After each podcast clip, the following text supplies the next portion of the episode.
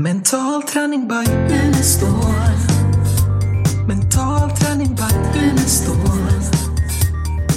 Hej och välkomna till ännu ett nytt poddavsnitt. Mental träning by Unestål. Malin och Lars-Erik är med här och det här är ju podden för er som är intresserade av personlig utveckling. Så vi spontanpratar som vanligt, eller hur? Jajamän. Kära kollegor.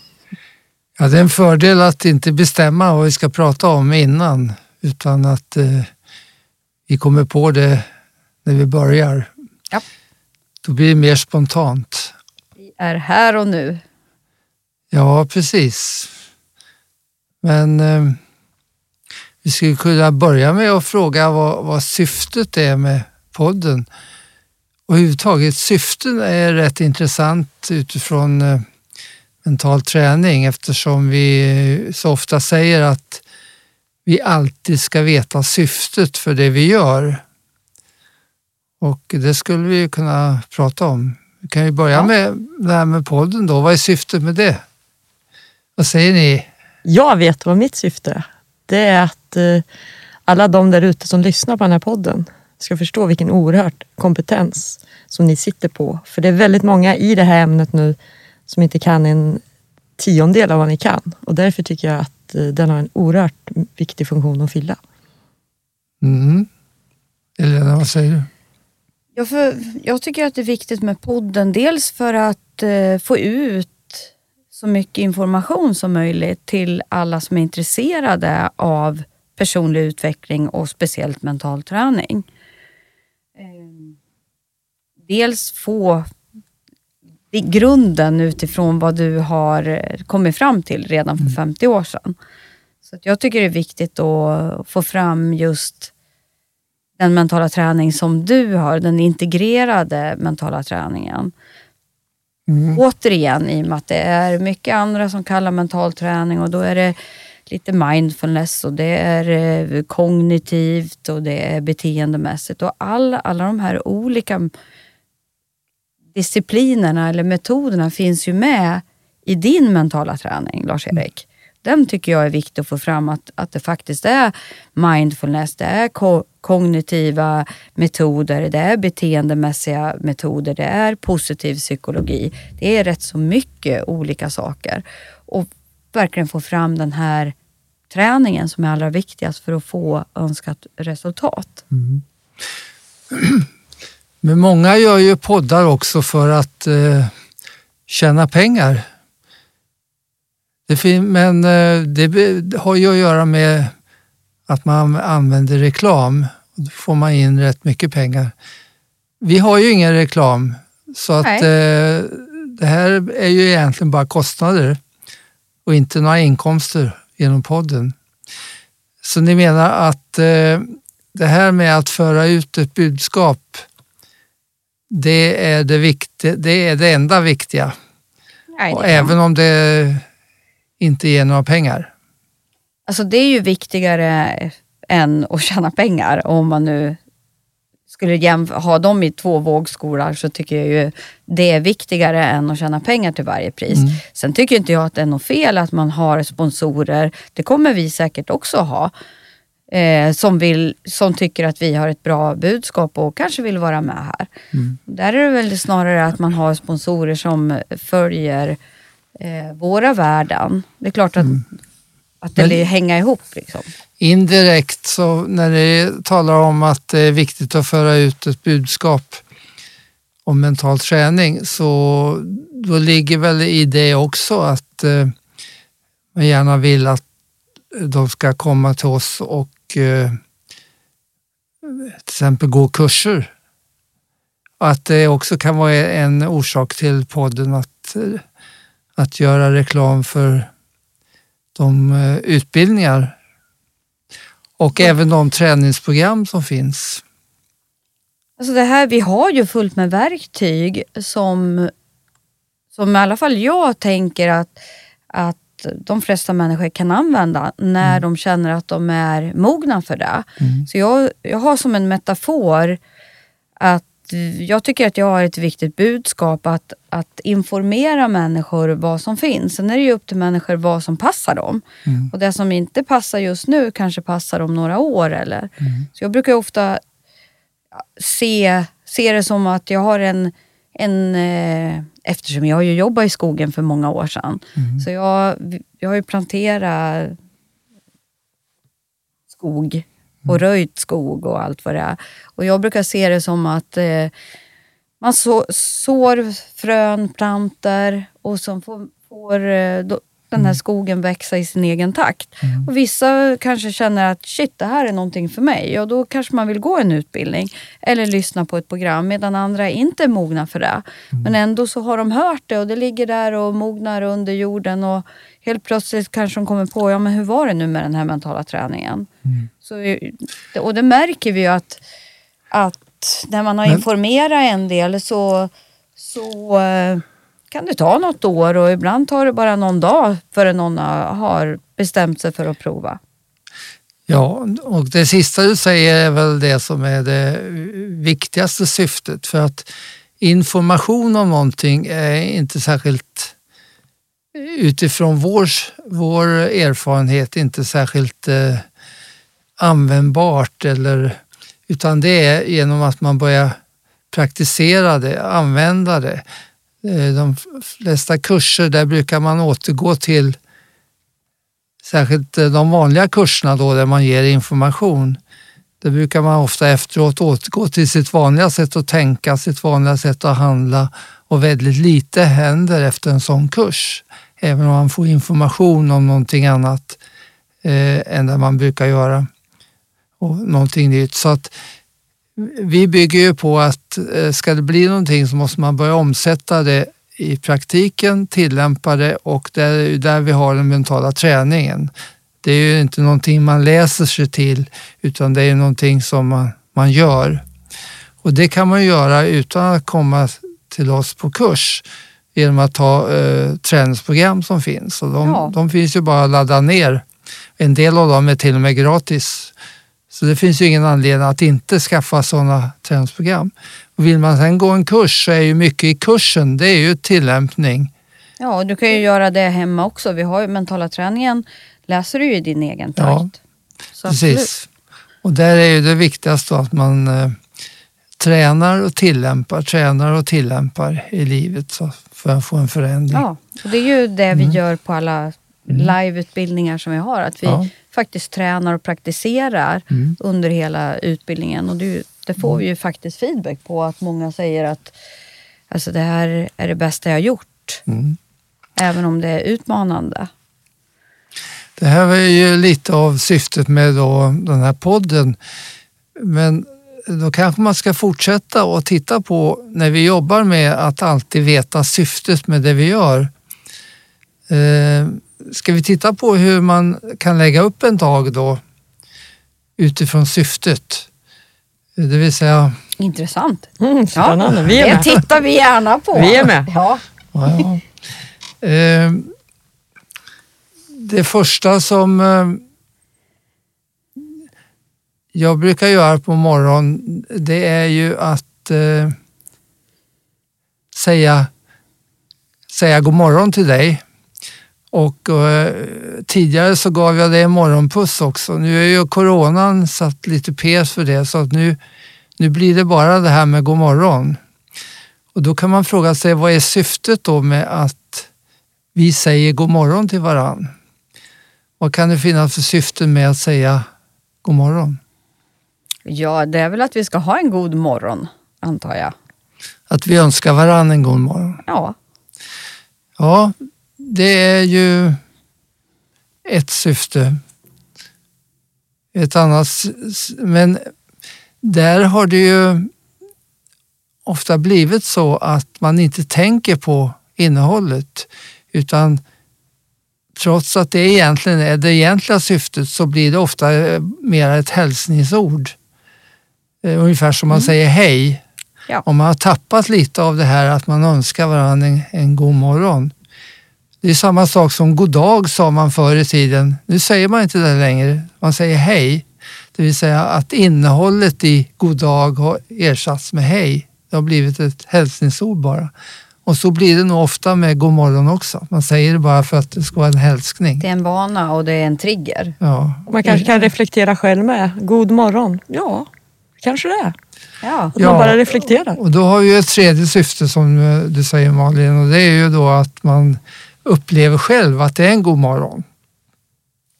Och det är ju ganska intressant för det innebär ju att om, om jag säger god morgon därför att jag tycker att det är en god morgon, då måste jag ju veta vad skillnaden är mellan en god morgon och en icke god morgon.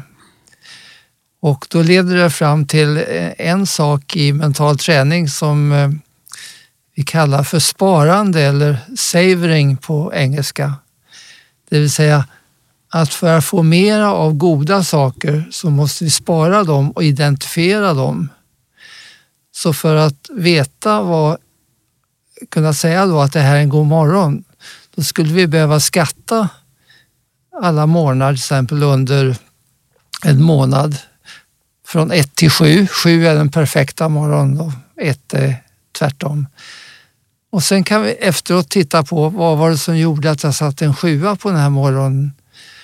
Och i och med det så kan man ju få fler goda morgnar för man har identifierat vad är det som gör då att det här är en god morgon. Så det här med savoring är ju jättebra teknik i, i mental träning. Att Man sparar på det som är, är bra och identifierar det för att kunna få ännu mer av det som är bra. Mm. Jag brukar ju programmera mig på kvällen innan jag lägger mig. Mm. Att nästa dag ska vara eh, fantastiskt bra. Ja, Så att, eh, för mig är det ju när jag vaknar så... eh, då är det bra. Ja, men jag, det finns ju absolut, det är så länge sedan jag kan, alltså det är ju 20 år sedan Mm. som jag vaknade med och bara kände att åh gud vilken skitdag det Men kommer det- att bli eller något sånt där. Det finns ju inte med i tanken längre. Det eh, håller du för dig själv. Jag har inte hört dig sjunga den här Åh vilken underbar morgon, åh vilken underbar dag. Nej, det brukar jag inte Det göra. kanske du ska göra på morgonen då för att liksom ta fram det här. På gamla tiden innan du var född så fanns ju frukostklubben Ja, just det. och då, då var, började det där med god morgon, god morgon, de svenska bära ut en hälsning, god morgon till dig. Det är bra. Eh, Så det vore en sak också att vi kanske hade såna här eh, triggers som Mm, bara vi inte ska sjunga blir. så är jag med. För det vill inte lyssnarna För ha. att få igång en, en god morgon. Men du, jag börjar tänka, alltså jag, jag, jag hörde någon hjärnforskare prata om det här med till exempel lycka. Eh, vad lycka är och vad som händer i hjärnan och eh, att, att vi behöver liksom när vi har gjort någonting som vi blir lyckliga över och så gör vi det Nu ska vi spara det. ja, men så gör vi det fler gånger, då får vi inte samma effekt i hjärnan. Nej, därför att då går vi eh, genom någonting yttre för att få någonting inre och då slätas det ut. Ja, då slätas det ut och blir blir det- liksom, ja. ja. är bara en, van- en ny norm eller vad man ska säga. Och då, då vill hjärnan ha nya saker att vara lycklig över. Och Det, det här Mm. så kändes så i viktigt. ta upp. savoring är det väldigt viktigt att vi identifierar också själva känslan. Ja. För att få den att komma. Eh, det är ju så vi gör i idrotten. Eh, man, får, man får identifiera en tidigare eh, tävling där man hade flow Ja. och sen får man med hjälp av mental träning ta fasta på den här känslan och sen får den komma igen. Inte det som gav flow, Nej. för att, utan känslan. Man går direkt på känslan. Samma sak med lycka. Vi strävar väldigt mycket efter att hitta saker som ska ge lycka.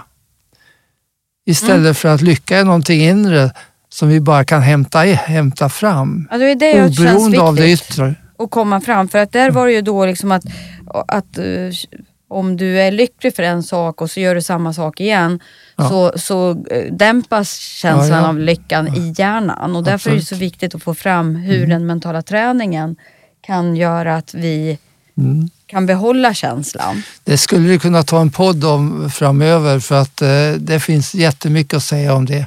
Men om vi, Framöver får bli nä- nästa gång då. Om vi går vidare med, med det här med nästa steg då efter att vi har vaknat upp och sagt god morgon. Eh, vad gör du då? Går du in och borstar tänderna? Vad gör du då Vad Elena? gör jag då?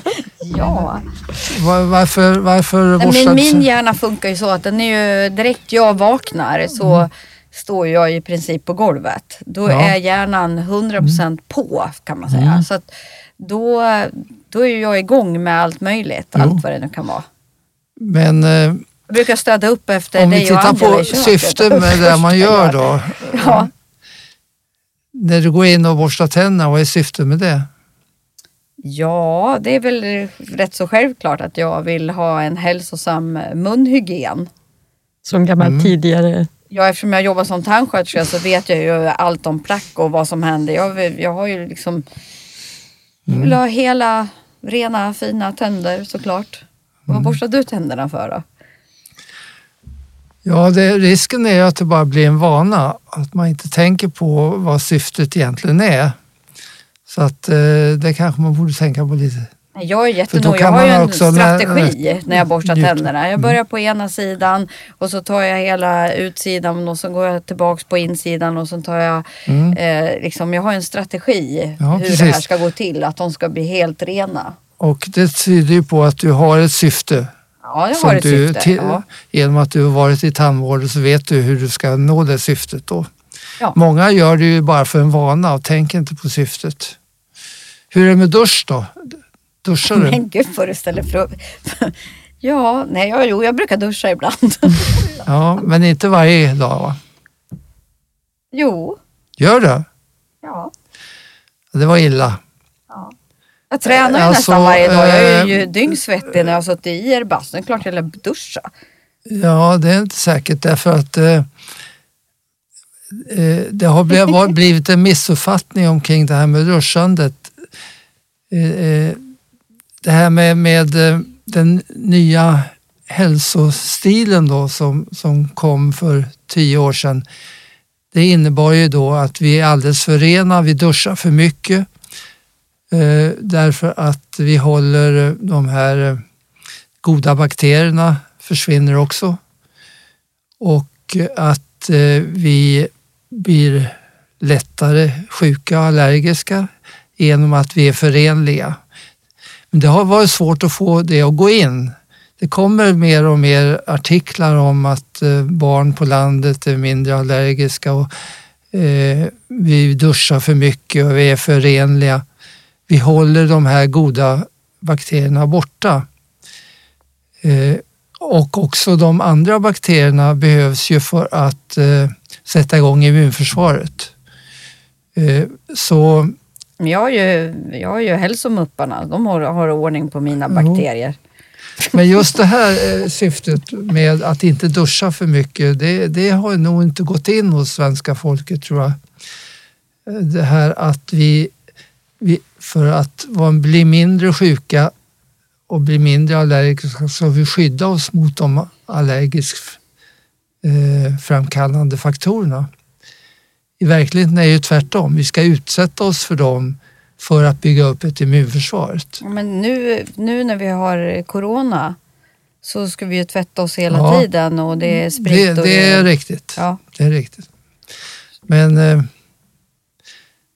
du kommer ihåg när vi var i USA och, och hälsade på bekanta och eh, deras grannar hade fått en nyfödd född baby. Och Mm, Vi var i Costa Rica var vi ju. ja, det, Jo, ja, det kanske det var. vi var kompisar till... Eh, Ja. Och vi skulle bara gå in John och gratulera. Och då, vi fick inte komma i närheten av den här nyfödda. ja, men jag, jag, de- hon Ja. satt väl paralyserad för jag började ju, tog ju tag i den lilla babyn direkt och började gulla och Ja, ja. pussa och hålla i och hon fick ju nästan hon fick Men- ju panikattack. Den babyn kommer ju att bli jätteallergisk när hon växer upp. När man Kanske. skyddar henne på det sättet från, från att utsättas för... Vår Angela hon, hon eh, har utsatts för nästan vad, vad som helst. När hon, eh, vi, var, vi åkte utomlands när hon var tre dagar gammal. Mm. Och, eh, eh, utsattes, hon var väl, första året var, var det 20-tal länder och utsattes för alla möjliga påfrestningar och eh, eh, in, ja, sjukdomsframkallande saker och bakterier. Och, eh, och, men det gjorde att hon, hon hade inte en enda sjukdag innan hon blev eh, ing- nej. 12 år tror jag. Nej, men vi har ju aldrig vabbat. När hon hade Mm. sin första feber hade hon, då var hon ju 13 år. 13, ja. Alltså jag var ju på alla såna här kontroller och de kunde ju inte förstå att hon aldrig har varit sjuk. Nej. på fyraårskontroll till exempel. Nej, precis. Så att visst, ja. Ja, så att, eh, jaha, det här var duschen då. Vad gör ni sen? Sen börjar ju eh, jobbet. Vad är syftet med... Vad använder du för tvål när du duschar Lars-Erik? och vad är syftet med just den tvålen? Vad är tvålen broder? Va? ja. Det här med syftet med, med jobbet då, det är ju jätteviktigt egentligen att man har det.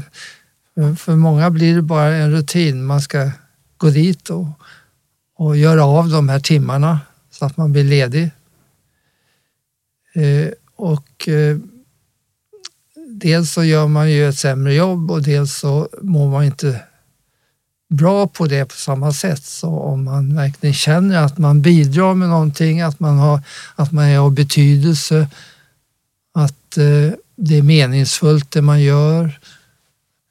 Så där, där finns det väldigt mycket att göra för att få fram syftet, eller att skaffa sig ett syfte. För det är inte särskilt det, det är givet utan det måste man nog skaffa. Man måste själv upptäcka det meningsfulla. Både i jobbet och i livet. Det är ingenting som finns givet. När man talar om meningen med livet och i olika program så är det ju inget som är givet utan det är någonting vi måste skapa. Vi måste hitta det. Det som gör, gör mening och meningsfullhet. Sådana Jag tror att det är oerhört viktigt nu för många äldre som är tuffa tider att hitta sådana här bitar med meningen nu. Ja. För annars blir det ju gärna att, eh, och det ser man kanske hos vissa ungdomar idag, att attityden till jobbet har, har förändrats. Eh, mot i ga- gamla tider när man frågade vad är det mest viktigaste i livet? Nämn de tre sakerna så sa man eh, arbete, hälsa, familj. Idag när man frågar så säger man fortfarande hälsa, det kommer upp. Och sen eh, säger man inte familj alltid utan man säger nära relationer. Och sen blir det ofta tyst. Mm. Sen efter ett tag så säger man kanske, man kanske ska med arbetet också. Mm. Men det har blivit en, en attitydförändring mot arbetet. Särskilt hos ungdomar som kanske ser arbete mera som någonting som man måste ha till för att kunna göra saker vid sidan om och resa Mm. och, och så vidare. Att arbete blir precis. bara ett medel för det man egentligen skulle vilja göra. Ja, och lite som jag sa med de här äldre som har liksom inte arbetet kvar och man, jobbet har varit hela meningen med allting. Det är ju svårt och att försöka Ja, hitta något. eh, Men hela arbetsklimatet har ju ändrat sig Ja. även för unga. Det, utan där, just det här som för, jag menar för långt tidigare, då var det ju liksom få ett fast jobb Mm. och sen ha sitt fasta jobb till du blir pensionär. Det har ju ändrat sig fullständigt. För då ska vi ju köpa bil och möbler och bygga upp vårt hem. Det är ju många som inte har det som mål i nutid utan snarare att man värdesätter frihet mer och jobbar hellre i projekt än att vara fast anställd. Och kunna jobba på flera olika ställen än bara på ett ställe. Men- och, Ja. Det har ju mer, mer att göra med att man kanske inte känner att man kan påverka det vanliga jobbet på samma sätt som när man blir egenföretagare eller startar eget eh, eller gör ett projekt där man kan påverka på ett annat sätt. så det här, men det har ju mer att göra med att vi, vi har varit alldeles för dåliga att låta människor på våra arbetsplatser känna att eh, de är viktiga, känna betydelsen av det de gör, få uppmuntran, positiv feedback. Det är ju, jag har ju gjort ett feedbackprogram som heter eh, sju, när man tränar sju veckor som heter positiv, eller feedback utan kritik. Men där är det ju så att feedback på jobbet har ofta varit kritik. Någon säger, ja, de reaktioner jag har fått under min eh, tid på jobbet, det var när någonting har gått fel. Och det är ju helt bedrövligt då och det är klart att då, då får man inte alls samma känsla för jobbet som man får positiv feedback och få reda på att man är viktig, få reda på att man betyder någonting, att man bidrar till företagets framgång och så vidare. Jag, jag hamnade i ett samtal, det var lite därför jag hamnade i det här med äldre och meningen. Som har, arbete har varit väldigt viktigt hela livet, den meningen. Och sen kom den här med pandemin och han var ju oftast tillbaka på arbetsplatsen för att träffa dem och, och det har ju inte funnits under ett år nu. Och då blir det ju jättetomt. Alltså om all, allting kretsar kring det. Det blir så tufft. Ja, men det är ännu värre om man inte trivs på jobbet. Ja, nej men absolut. Jag bara ja. tänkte... Det... Så att eh, det här man, man trivs och upplever arbetet som något värdefullt, det är ja, ju jätteviktigt. och de som då inte gör det utan säger då att ja, jag, jag ser verkligen fram emot pensionen. Det ska bli skönt.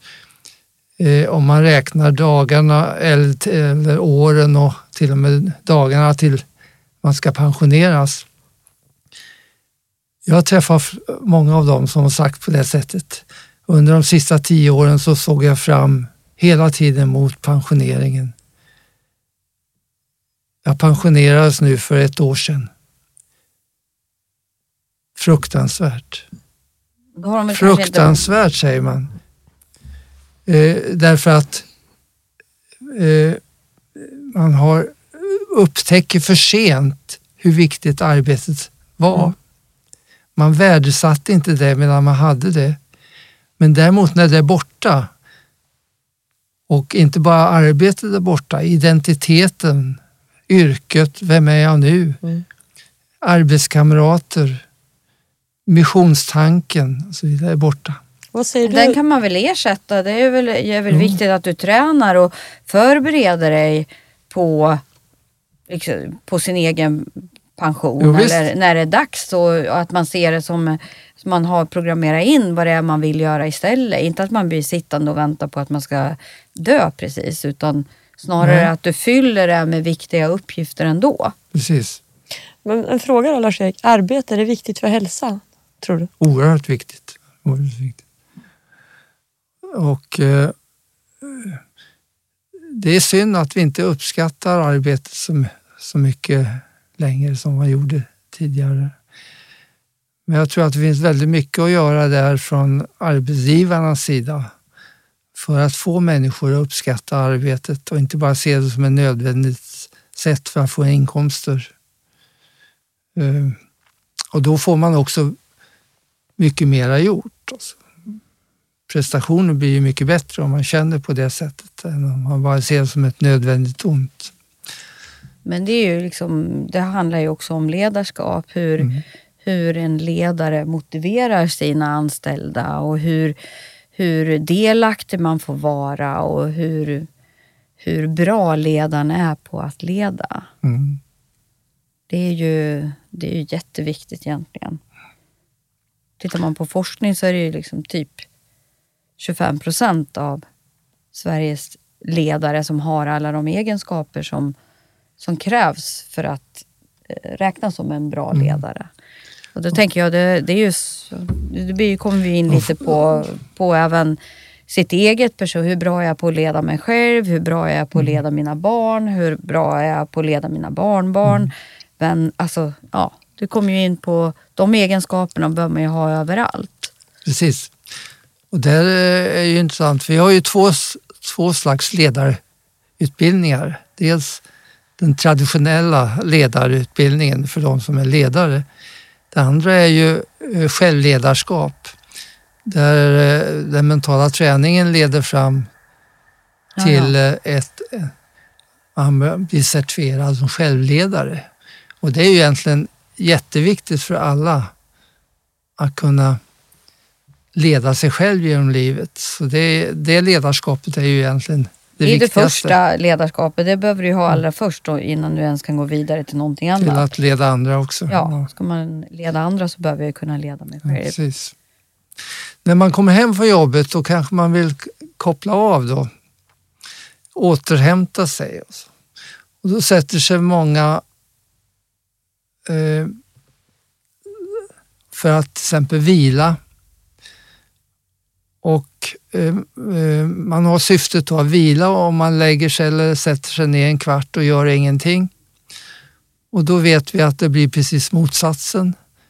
Hjärnan går på högvarv, tankarna far fram och tillbaka genom huvudet, man förbrukar massa energi.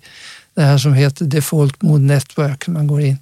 Så vad vi, vad vi säger då att ska du ha syftet att vila, då är det väldigt viktigt att du kopplar ihop det med ett mentalt träningsprogram. Där man går igenom kroppen, där man slappnar av, där man går igenom och använder andningen, där man fokuserar på det man gör hela tiden. Då går hjärnan ner i varv. Det är det vi kallar för aktiv vila. Det är ju där man får återhämtning också. Ja, det är Ja, där man får ja. återhämtning. Jag tror Jaha. att jag redan programmerar, det där tror jag sköter sig själv i på något vis hos mig. Mm. Ja, det gör det nog. Ja. Sen är vi, fram, sen, eh, framme och kanske ska sluta med det viktigaste syftet då, på, under dagen. Nämligen att få en bra sömn. Det är ju, vi vet idag hur viktigt en bra sömn, inte bara att man sover, det är inte så, så viktigt som att sova bra. Men för att sova bra måste man sova. men det, men, eh, och det kan vi komma till. Men det händer ju så mycket på natten som är oerhört viktigt också för dagen. Så vet man syftet med sömnen så är det ju, då ser man ju till att man skapar förutsättningar för att få en bra sömn.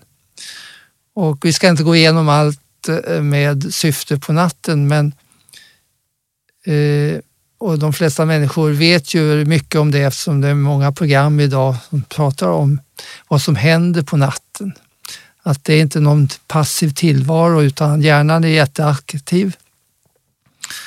Att eh, kroppen eh, återhämta sig, olika funktioner, organen återhämtar sig, hormoner till exempel, ut, eh, ve, heter vikt, eh, tillväxthormonet sker på natten. Så man undrar nu med ungdomar som håller på med mobilen halva natten om de kommer att bli kortare framöver i Sverige. Jag som är så kort och jag hade ingen mobil när jag var ung. Tur att jag inte hade någon sån då Ja, kanske. ja, det blir ännu Inte- kortare. Hade det inte blivit mycket. Andra saker som händer på natten är ju att eh, kroppen eh, rensar ut slaggprodukter som samlas under dagen. Både fysiska och psykiska. Minnet, eh, eh, eh, man gör sig av med onödiga upplevelser och minnen och man befäster de viktiga minnena. Så. Ska man läsa för en tentamen ska man göra det kvällen innan, inte på morgonen innan man går hit. Men just det här om man då sorterar som du säger. Behöver man inte, ha, behöver man inte träna mentalt då för att eh, om, om vi säger att jag har ett mindset som är riktat mot det negativa. Om jag är van att sortera allt ifrån att, att jag tar åt mig för allting själv och jag tycker allting jag gör är fel och allt vad det nu är. Hur Just- sorterar hjärnan då på natten? Sorterar den utifrån hur jag beter mig på dagen och vad jag har för programmering och mindset? Eller, eller kan den sköta det här helt själv, vad som är bra och dåligt? Ja, det är intressant du säger. Det är faktiskt, tror jag ingen har tittat på. För vi vet ju att det som händer på dagen har mycket med, med det att göra som du säger. Men om det händer på natten också, samma sak. Vi vet ju till exempel att eh, eh de flesta, det finns en tendens att eh, eh till exempel komma ihåg de mera glada minnena. Därför upplevde killarna som gjorde lumpen tidigare att det var en jättekul tid trots att man kanske räknade dagarna till att det skulle ta slut medan man gjorde det. Men efteråt så verkade det mycket roligare än det var. Så där fanns det en slags sortering. Eh, men det gällde mera eh, eh, det gällde inte de väldigt traumatiska minnena. De försvann inte på det sättet, men mera lätta negativa minnen togs bort och man kom ihåg de mer positiva. Så där mm. fanns det en sortering. Okay. Men det här du säger, det borde vi ta reda på för att det är ju jätteintressant. Ja. Men om, vi, om, man tittar på hur ska man få en bra sömn då? För vi vet ju att just så mycket händer och framförallt under djupsömnen. Och eh, därför så är ju syftet inte att sova på natten utan syftet är att sova bra. Mm. För får man inte djupsömnen då kan man sova 10, 11, 12 timmar och man är lika trött som innan man gick och la sig. Eh, därför att man har inte fått den sömnen som ger återhämtning och eh, vila. Utan man har haft den här ytliga sömnen. Eh, där vet vi ju att stress gör att man eh, eh dels får svårt att somna men sen också sover dåligt. Den här grundspänningen som har byggts upp under stressen gör att man inte får djupsömnen och då kan man sova hur länge som helst och utan att det har någon effekt. Och då blir det ju ganska, då blir det ju ganska eh, svårt för man har ju fått eh, sjukskriva sig för att vara hemma och vila och så har man tappat förmågan att vila. Dels att på dagen där man inte har den aktiva vilan och dels på natten när man inte får djupsömnen. Så där, där eh, ska man nå det syftet som har med sömnen, då är det jätteviktigt att den mentala träningen kommer in och får ner grundspänningen. Mm. Så att man hjälper människor att få en djupsömn. Sen eh, så har ju mentala träning också syftet att hjälpa någon att somna. För där är det också så att eh, somna gör man ju inte med genom att vilja somna. Genom att anstränga sig, då går det tvärtom. Då ligger man vaken ännu längre. Utan där måste vi ha den mentala träningen för att eh, låta sömnen komma till mig. Vi har ju en massa, i våra sömnprogram så har vi ju triggers som gör att mm. man somnar utan att behöva anstränga sig. Och ja. plus att man får djupsömnen. Så att för att få det syftet som är så oerhört viktigt och lägger sig, där är mental träningen oerhört viktigt för att så, nå det syftet. Fattar jag dig rätt? Om vi säger att jag är stressad, jag har för hög grundspänning och så lägger jag mig och sover så kommer jag ju inte in i, i djupsömn. Nej. Och hur blir sorteringen då? Det vet vi inte riktigt. Nej. Nej. Nej. Då händer ju inte det som Nej. är tänkt att hända Nej. på natten. Så att, eh, det är därför vi talar om läkande sömn idag. Mm. Att sömn är så oerhört viktigt för att både må bra eh, och att kroppen ska läka både psykiskt och fysiskt. Så att eh, ja. där finns det mycket att göra. Det ja, det här var lite om syftet under ja. dagen. Men eh, om man slutar med att säga att har man med syftet hela tiden med det man ska göra då kommer man också mentalt att jobba fram eh, det som den mentala förberedelsen bygger på. Bilder av det man vill ska hända. Om man, ska, om man är säljare till exempel och ska träffa en, en kund som man har hört är en besvärlig kund, då är det ju väldigt lätt att man har den bilden Mm. att när man går in i, i, i den situationen att det här är en besvärlig kund, vilket gör att kunden blir besvärlig.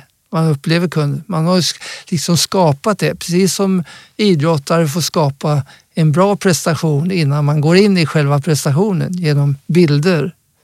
Då måste man ju veta syftet. Syftet när jag träffar den här kunden är ju att jag ska få ett avslut. Och då måste jag ju också koppla det till de bilder jag har när jag går in i situationen. Så att jag redan innan jag gått in har sett hur bra det har gått. Så där kommer ju syftet in i samband med att man förbereder varje situation mentalt. Mm. Precis. Så det är ju en bra avslut när vi talar om syftet. Att Ja. alltid ha syftet med. Det låter väldigt bra. Ja, tiden har gått. Har det? Ja, Ja. Det var väl syftet. det var ju syftet att... Eh, nej. nej då. Men, Nej, men det är ju kul att jobba lite mer spontant för då vet man inte vad man kommer att säga. nej, det gör ju vi hela tiden. Också. Ibland har folk kommit till mig och sagt att det ska bli roligt att höra vad du har att säga ikväll om man ska ha föredrag till exempel. Och då brukar jag säga, ja det tycker jag också. Ja. För att eh, eh, när det går som allra bäst, då har, man inte då har man inte förberett vad man ska tala om. Nej. Utan då låter man det komma. Och då kommer man in i float. Och då kommer det av sig självt, man ska säga. Det är fantastiskt. Ja, och då blir det mer stimulerande.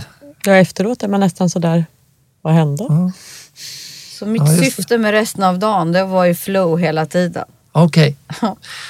Då önskar vi er alla ett mycket flow resten av, av eh, den dagen som ni lyssnar på det här. Ja. Mm. Har du, vi, du har frågor? Ja, och har vi några frågor så är det fragor.unestal.se. Ja. Ja, det vore jättebra om ni skickar in mycket frågor för då kan vi också utgå från det. Ja, absolut. Återkom gärna med det. Så ha det så bra allihopa. Hej då. Tack för att ni lyssnar. Hej då. Hej då! Mental träning by Unestål. Mental träning by Unestål. träningen står. Mental träning, vagnen står.